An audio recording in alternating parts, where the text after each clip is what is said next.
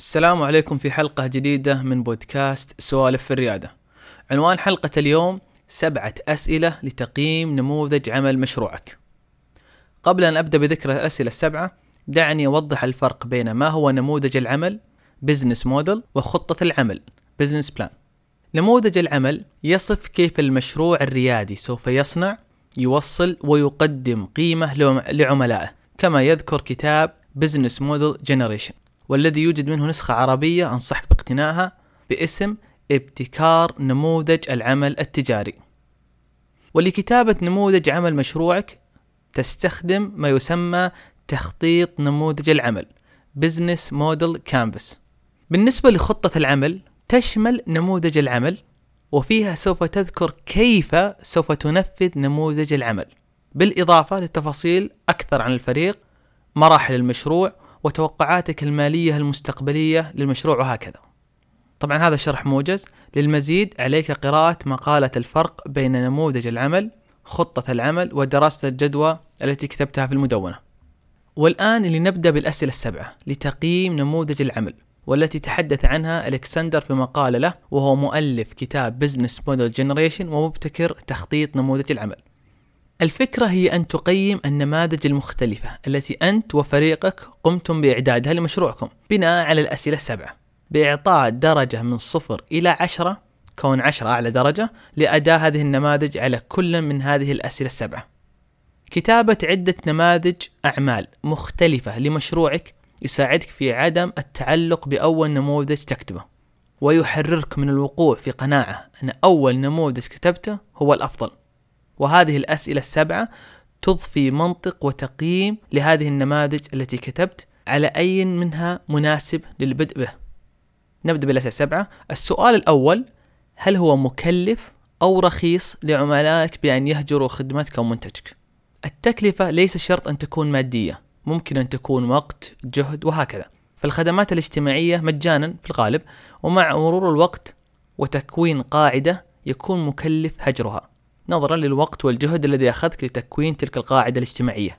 أبل قدمت الآيبود في 2001 العبقرية لا تكمن في بساطة وجمالية المنتج بل في أنك عندما تشتري وتضيف تلك الأغاني في جهازك يشكل ذلك حاجز مكلف لك لتهجر المنتج لاحقا. مما يعني كلما كان مكلفا لعملائك هجرك كلما كان نموذجك ناجح. أحيانا هذا لا يحدث بسرعة. لذلك عليك أن تنتبه كم من الوقت يتطلب لتحقيق هذا الحاجز وأيضا ما الذي يحفز على تحقيق ذلك مثلا العديد من الخدمات الاجتماعية تدرك أن المستخدم إذا تابع عدد محدد من المستخدمين أو ساهم بنشر عدد محدد من المحتوى هذا بشكل كبير يساهم في استمراره بالخدمة وبعد وقت يكون صعب عليه هجر الخدمة. السؤال الثاني ما مدى قابلية نمو نموذج العمل الخاص بمشروعك؟ بمعنى ما مدى سهولة نمو نموذج العمل بشرط عدم زيادة تكاليفك الأساسية بنفس المثل بالطبع المشاريع الريادية التقنية أسهل لتحقيق ذلك من غيرها. أيضا قد يستلزم الأمر مراجعة وتعديل الأقسام التسعة في تخطيط نموذج العمل الخاص بمشروعك. وأحيانا هذا يحدث بعد أن تبدأ الخدمة وهذا لا بأس به. المهم أنك تسعى لتحقيق ذلك. وليس شرط أن يكون التعديل في هيكلة التكاليف أو الإيرادات. ربما عليك تعديل مجموعة علاقة العملاء مثلا في نموذج مشروعك. بدل من أن توظف موظفين متخصصين في خدمة العملاء ممكن أن تنشئ منتدى فيه المشتركين وأفراد من فريقك يساعدون بعضهم البعض. لأنه من الصعب عليك حاليا توفير موظفين في خدمة العملاء. أو ممكن أن تخصص هذا النوع من الخدمة الخاصة لعملائك المميزين المشتركين بباقاتك المدفوعة. ولكن هذا لا يعني أن تضحي بجودة وقيمة الخدمة التي تقدمها لعملائك. ثالثا هل ينتج نموذج عملك عمليات إيرادات مكررة؟ عندما تشترك في خدمة لمدة وتحصل الخدمة مقابل ذلك على إيرادات بصفة مستمرة ومنتظمة هذه تسمى إيرادات مكررة. recurring revenue. على خلاف الإيرادات التي تجنى من عمليات البيع المختلفة والتي تتذبذب من فترة لأخرى. الإيرادات المتكررة جيدة لأنها أولا الخدمة تتكلف جهد بجلب وتسجيل المستخدم لمرة واحدة بدلا من عدة مرات في كل عملية.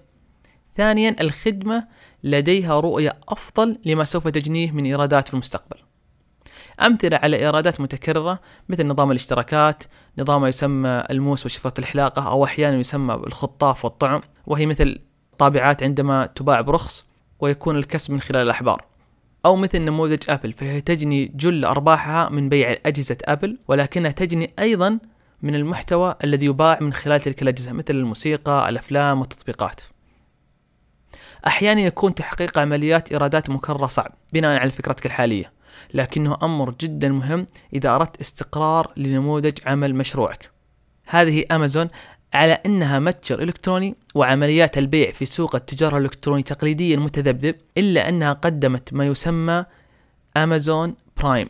خدمة اشتراك تحقق مميزات عديدة لمشتركيها كل هذا لتقنعهم بالانضمام وتساهم في تعديد واستقرار إيرادات نموذجها. رابعا هل تجني قبل أن تصرف؟ بديهيا من الأفضل أن تجني أكثر من أن تصرف لكن هل نموذجك يحقق ذلك؟ أو هل ممكن أن تتفادى هذه المشكلة؟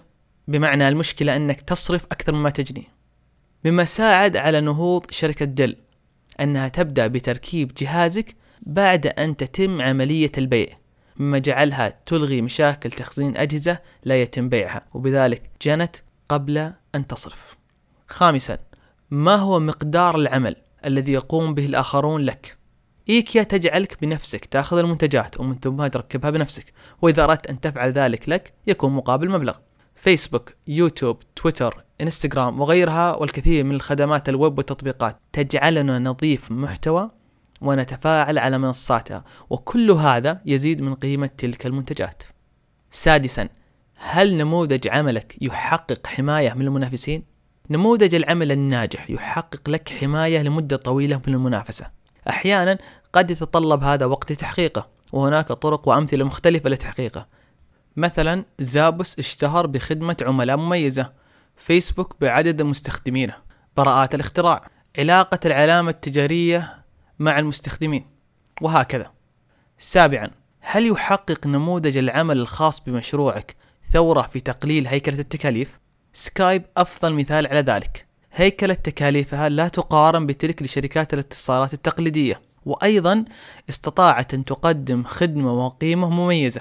الذكاء يكمن في تقليل التكاليف لدرجة أن الشركات التقليدية في ذلك السوق لا تستطيع منافستك على السعر وأن تضيف قيمة وميزة لعملائك بحيث ترغبهم بالانضمام ومن ثم عدم التفكير بالمغادرة.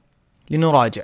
تكتب نماذج أعمال مختلفة لمشروعك باستخدام تخطيط نموذج العمل Business Model Canvas وبعد الانتهاء من كتابتها هناك سبعة أسئلة تساعدك في تقييم تلك النماذج. وهي أولا هل هو مكلف أو رخيص لعملائك بأن يهجروا خدمتك أو منتجك؟ ثانيا ما مدى قابلية نمو نموذج العمل الخاص بمشروعك؟ ثالثا هل ينتج نموذج عملك عمليات إيرادات مكررة؟ رابعا هل تجني قبل أن تصرف؟ خامسا ما هو مقدار العمل الذي يقوم به الآخرون لك؟ سادسا هل نموذج عملك يحقق حماية من المنافسين؟